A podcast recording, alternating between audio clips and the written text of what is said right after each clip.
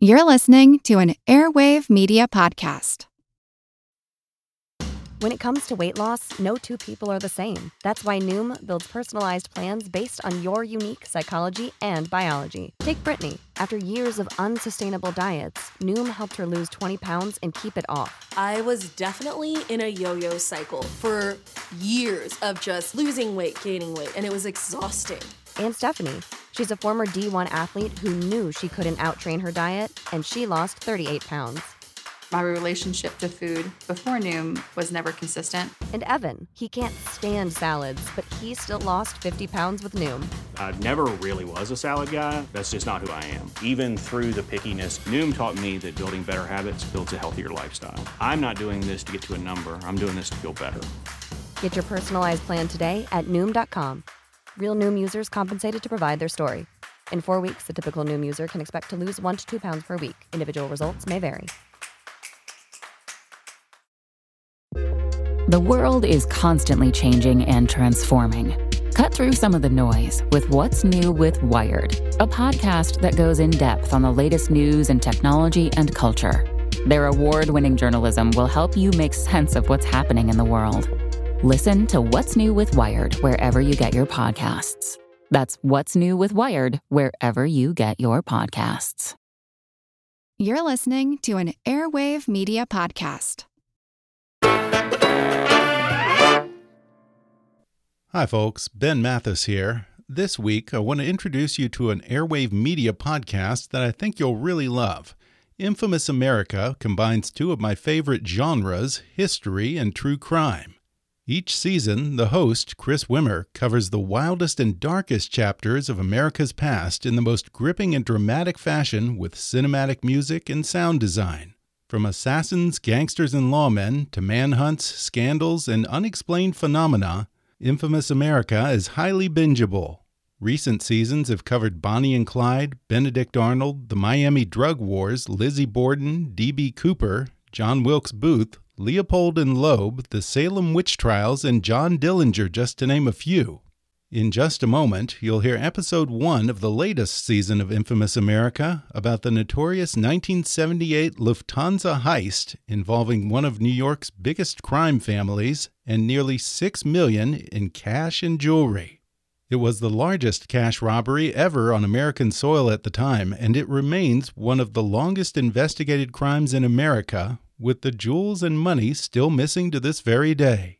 So subscribe to Infamous America on Apple Podcasts, Spotify, or wherever you get your podcasts to binge all of season 15, The Lufthansa Heist. And now enjoy episode 1, The Roberts Lounge Gang. Listener warning. This episode contains a brief instance of strong language that may not be suitable for all audiences.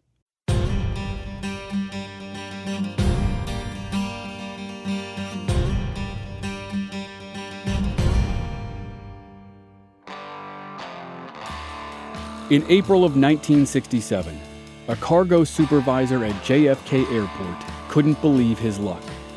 He worked for Air France, and ordinarily he led a quiet life. He went to work, earned modest pay, and returned home to stacks of magazines that piled up over time. But tonight was nowhere near ordinary.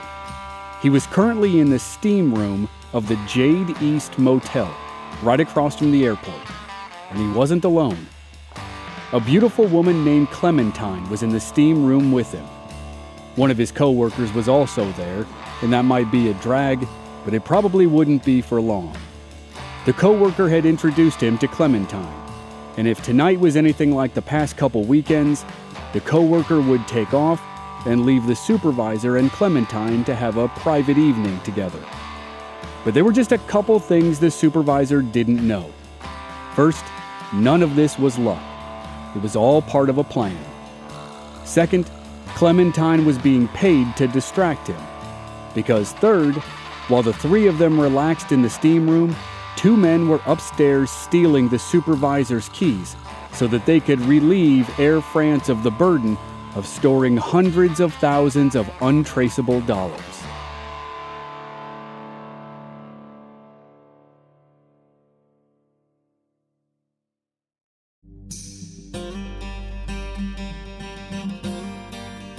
From Black Barrel Media, this is Infamous America. I'm your host, Chris Wimmer. And this season, we're telling a six part story about one of the biggest robberies in U.S. history the 1978 Lufthansa heist. This is episode one The Roberts Lounge Gang.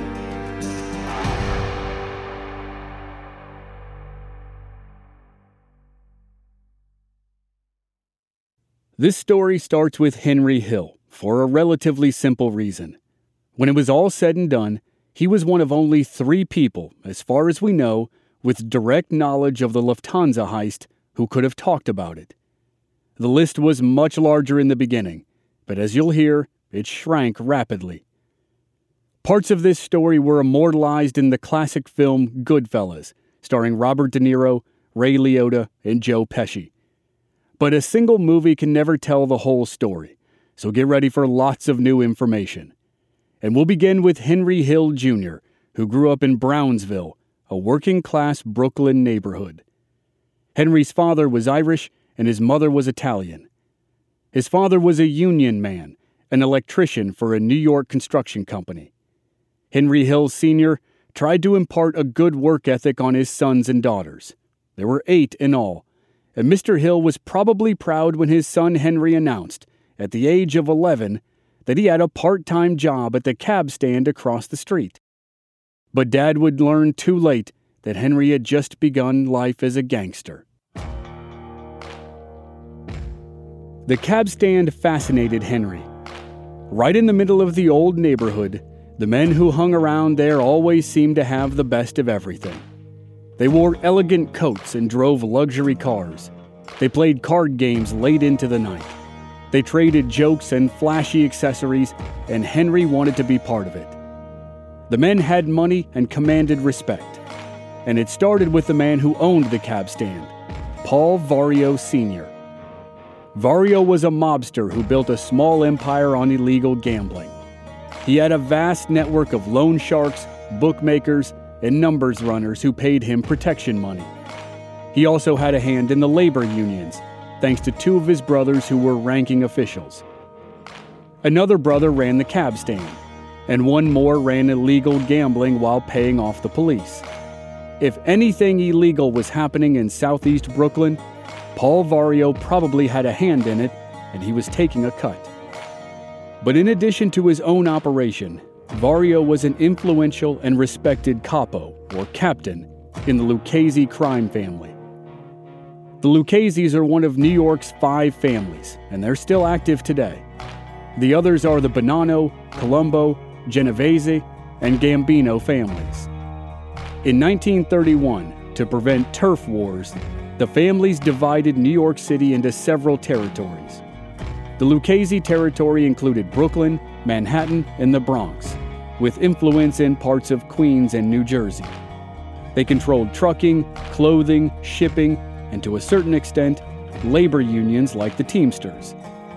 The Luccheses were powerful, and when the family's namesake, Tommy Lucchese, died in 1967, his funeral was attended by officials and criminals alike. That was the world that 11 year old Henry Hill stepped into when he began work at the cab stand. His job started small. He ran errands for Paul and his brother. He delivered pizzas for the restaurant Paul owned around the corner. He picked up coffee and sandwiches for the men at the cab stand. Sometimes he cleaned the interiors of limousines and cabs. Henry was dedicated. He made sure to follow orders quickly and correctly, and Paul and his crew noticed. Soon, Paul's brother trusted Henry to drive cars around the cab stand parking lot, to the awe and delight of Henry's friends. Over time, but when he was still a young man, he made enough money that he could buy a pinstriped, double breasted suit with, as he put it, lapels so sharp you could get arrested just for flashing them. Eventually, Henry spent all of his time at the cab stand instead of paying attention to school. Henry's father was angry, and he started beating Henry to get him to stay away from the cab stand. And it didn't work. Henry soon dropped out of high school to become more involved with the Vario crew. He began a new operation, selling cartons of cigarettes that had been stolen on their way out of the airport. He was making hundreds of dollars a week, but his rise up the criminal ranks was interrupted by a three year stint in the Army. After his service, he went right back to the crew and started living a lavish lifestyle. He took regular trips to Las Vegas and went to famous clubs like the Copacabana. And during these years of hustling, he met two people who helped change his life. One was a young up and comer, Tommy DeSimone, and the other was a savvy veteran, Jimmy Burke.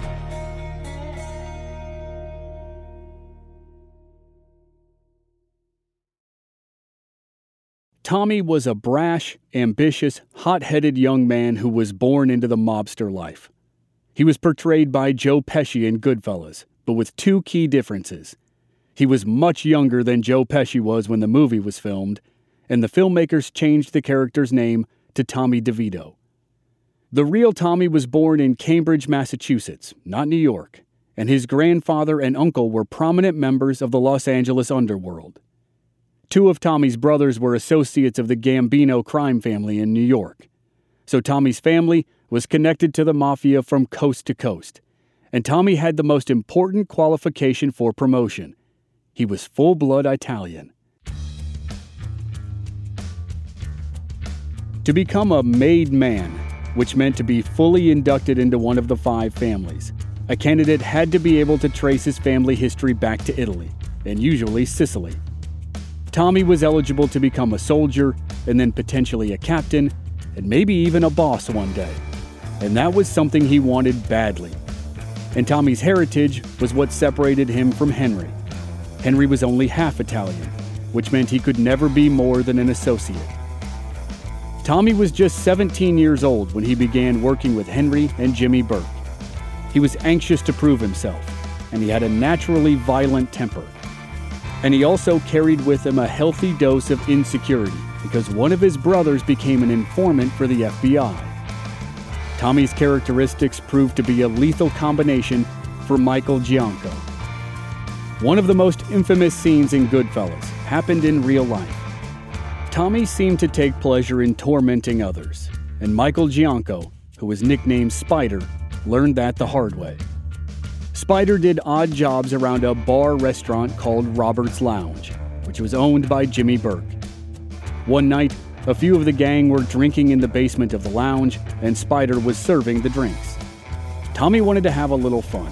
He told Spider to dance. When Spider refused, Tommy shot him in the leg. One of the men took Spider to the hospital, and the doctors put Spider's leg in a cast.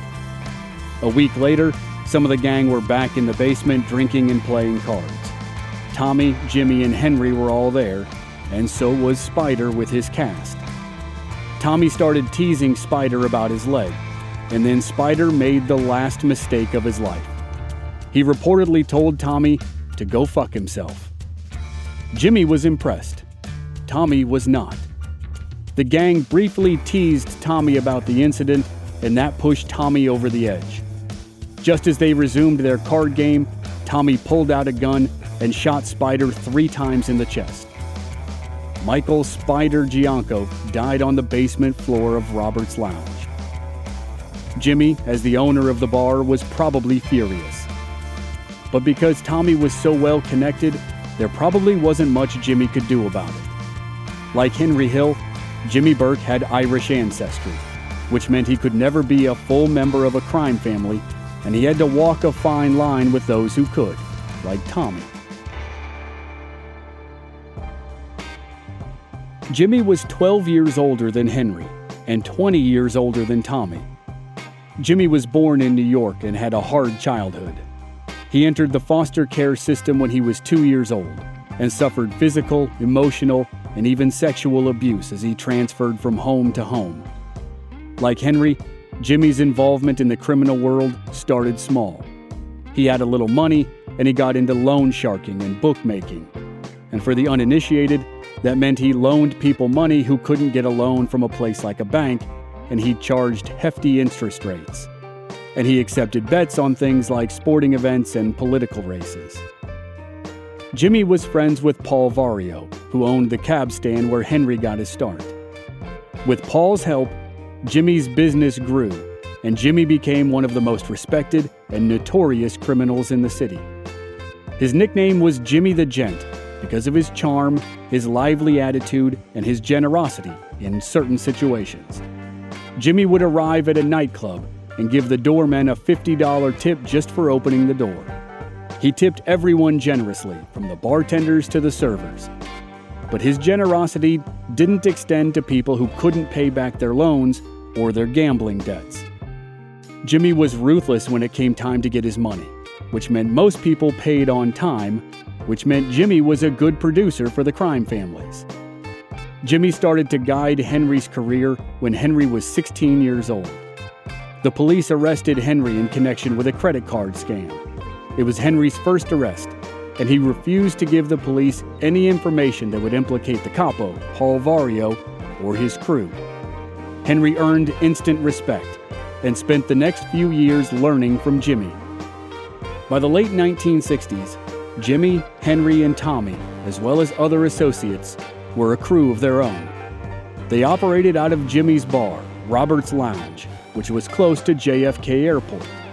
And in 1967, the Roberts Lounge gang learned of a possible score that would be its biggest to date by far.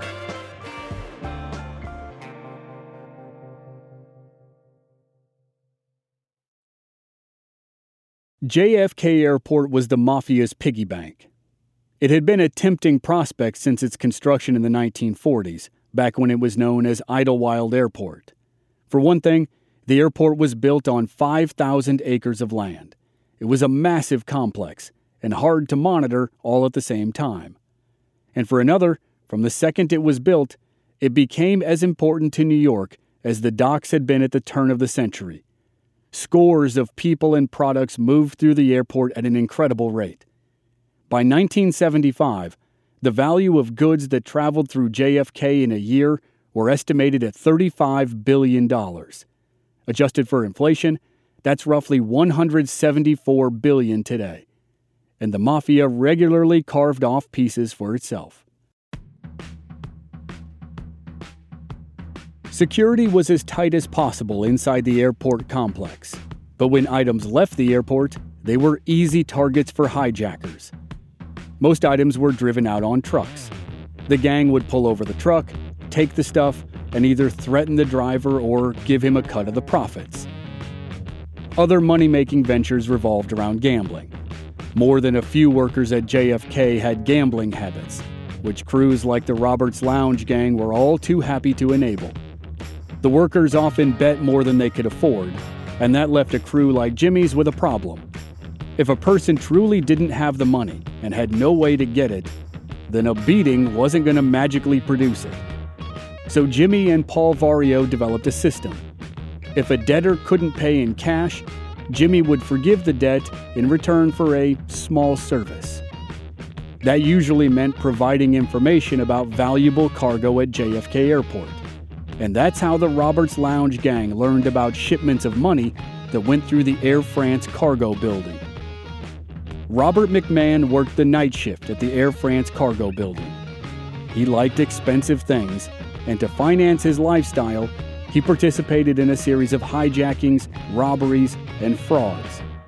He was an inside man and a valuable associate of the gang. It was normal for Henry to stop by JFK and talk to McMahon. And one day in 1967, McMahon had some juicy information. Air France was in the process of replacing the old storage room, which was just a wire cage in the lost luggage area. The cage was going to be replaced by a new strong room that was made from cement blocks. This wasn't really news on its own, but here was the key. During construction, all the high value cargo was going to be stored in the cargo warehouse right up front. That included bags of cash, sometimes several of them at once. And in this instance, the bags contained packages of $60,000 each. McMahon assured Henry that taking the money would be easy. They would just need a few guys with guns, and in short order, they'd walk out with at least $240,000. Henry passed the information to Jimmy. Jimmy liked the idea and gave the go ahead. That very weekend, Henry, Tommy, and two associates rented a getaway car, tacked on some phony license plates, and drove to the airport. And that's when they realized it wasn't going to be as easy as McMahon said. There were lots of people at the cargo office, and this wouldn't work at all. In an armed stick up, one or two witnesses were acceptable. You could get a handle on them by convincing them that if they talked to the cops, it would be the last conversation they ever had. But with this many people, there was no way to guarantee silence from the witnesses. So Henry and his crew left. They needed a different strategy, and while they brainstormed, they realized another problem. They needed more advance notice of a shipment than they could get at the time. There were just too many things to organize, and it couldn't be done at a moment's notice. Eventually, so much time passed that the new strong room was done, and shipments of cash were now safely locked inside. But the gang was undeterred. They needed another new plan, and soon enough, they figured it out. It sounded like something out of a spy novel, but it was real life. There were only two men with a key to the strong room a security guard and the cargo supervisor. The security guard took his job very seriously and never let anyone touch the key, so it would be incredibly difficult to get it from him. So Henry and his crew focused their attention on the supervisor. And after one trip to the man's apartment, they knew what to do.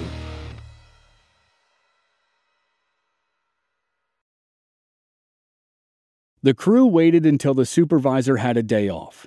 They thought he'd leave the key at home when he didn't need it. Robert McMahon took the supervisor out for a drink one evening, which gave Henry and another guy the chance to break into the supervisor's apartment. They searched for the key but couldn't find it.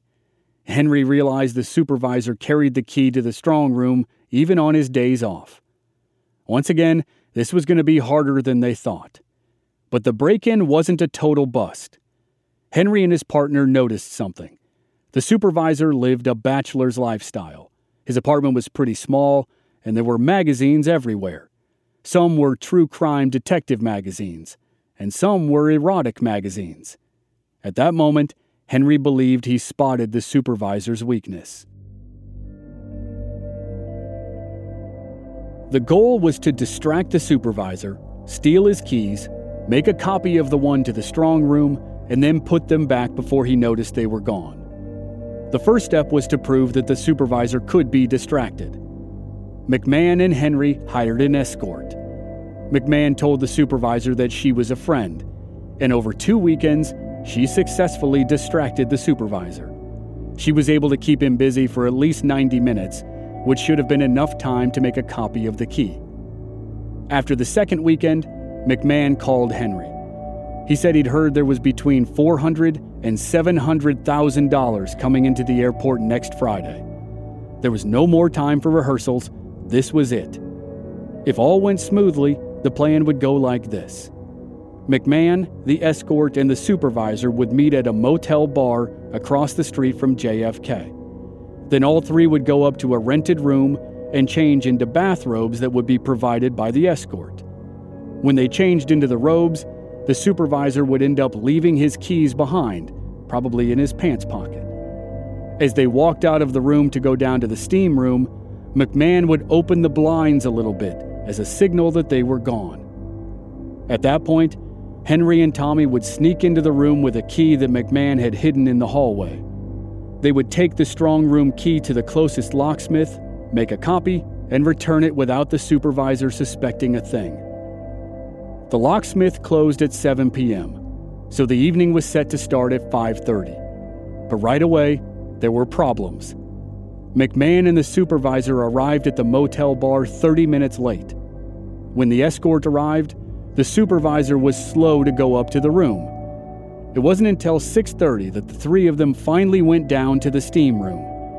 Henry and Tommy raced up to the motel room, grabbed the supervisor's key ring, and hurried to the locksmith. When they arrived, he was already closing his shop. They begged him to take one last order. He reluctantly agreed and asked which key they wanted to copy. Henry then realized a critical problem he had overlooked. He didn't know which key was for the strong room. The only solution was to copy all 18 keys on the ring. And that created another problem. the locksmith only had 15 spare keys available. The man got to work and copied 15 keys from the supervisor's ring, and Henry and Tommy just had to hope that one of them was for the strong room. They grabbed their copies and rushed back to the motel. They returned the supervisor's keys while the man was still in the steam room. Now they would have to wait until the next morning to find out if the plan had really worked. The next morning, Henry drove to JFK and gave McMahon the copied keys. Henry waited by himself while McMahon disappeared into the building to test the keys. Henry was sweating. If all that work had been for nothing. But then McMahon came back, and he had a big smile on his face. He held up a key. They had a winner. And not only that, but there was money in the strong room right now. A shipment had arrived last night. If they were going to steal it, they should do it tonight.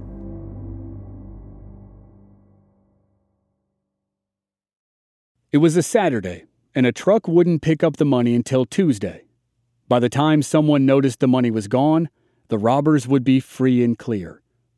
After all the false starts and headaches, the job could still end up as sweet as when McMahon first proposed it. So Henry and Tommy got to work. They rented a car under a fake name and replaced the real license plates with phony plates. At 11:40 p.m., they drove into the parking lot of the cargo office. They waited until shift change. That's when Henry and Tommy made their move. They got out of the car and walked to the building. Henry carried the largest suitcase he could find. Henry and Tommy walked into the building. Robert McMahon was working that night, and they spotted him nearby. If anyone asked Henry and Tommy who they were, they would say they were passengers who were looking for their luggage. And McMahon would pretend he didn't know them. But if trouble came up, McMahon would be there to make sure Henry and Tommy got away. Henry and Tommy walked to the strong room. They made sure no one was looking. Then Henry inserted the key and gently, casually turned it, and the door opened.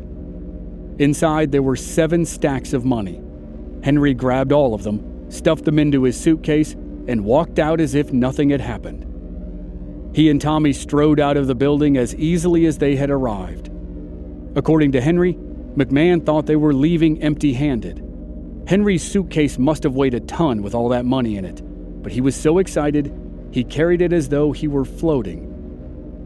That was April 8, 1967. Sure enough, no one from Air France, other than inside man Robert McMahon, knew about the robbery for three more days. The newspapers ran their first reports on Wednesday, April 12th, and when they did, all of New York City knew that $420,000 had disappeared from JFK Airport. Adjusted for inflation, that's almost $3.4 million today. The FBI jumped on the case but the investigation was pointless almost immediately. Nearly a quarter of the money had gone to the crime bosses already. $60,000 to Paul Vario, since he ran protection for the Roberts Lounge gang, and 60,000 to a capo for the rival Colombo crime family.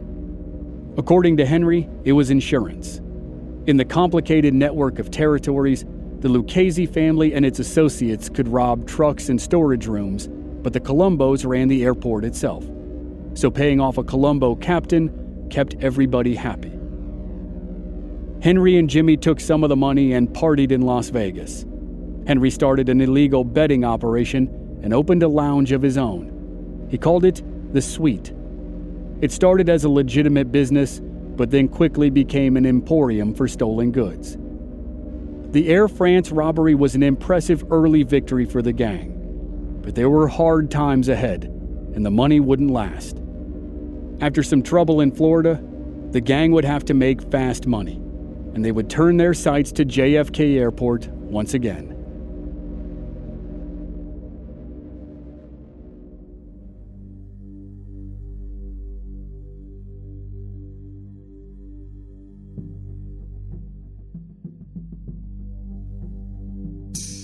Next time on Infamous America, Henry and Jimmy land in deep trouble down in Florida and end up doing hard time.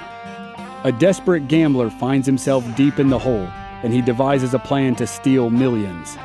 Just like Robert McMahon, he works in a cargo building at JFK Airport, and he wants to rob Lufthansa Airlines. That's next week on Infamous America. And members of our Black Barrel Plus program don't have to wait week to week. They receive early access and the entire season to binge all at once with no commercials. Sign up now through the link in the show notes or on our website, blackbarrelmedia.com. Memberships begin at just $5 per month. This season was co executive produced by Stephen Walters in association with Ritual Productions. Research and writing by Dante Flores. Original music by Rob Valier. Audio editing and sound design by Dave Harrison. I'm your host and producer, Chris Wimmer. Find us at our website, blackbarrelmedia.com, or on our social media channels. We're Black Barrel Media on Facebook and Instagram, and B Barrel Media on Twitter. And you can stream all our episodes on YouTube.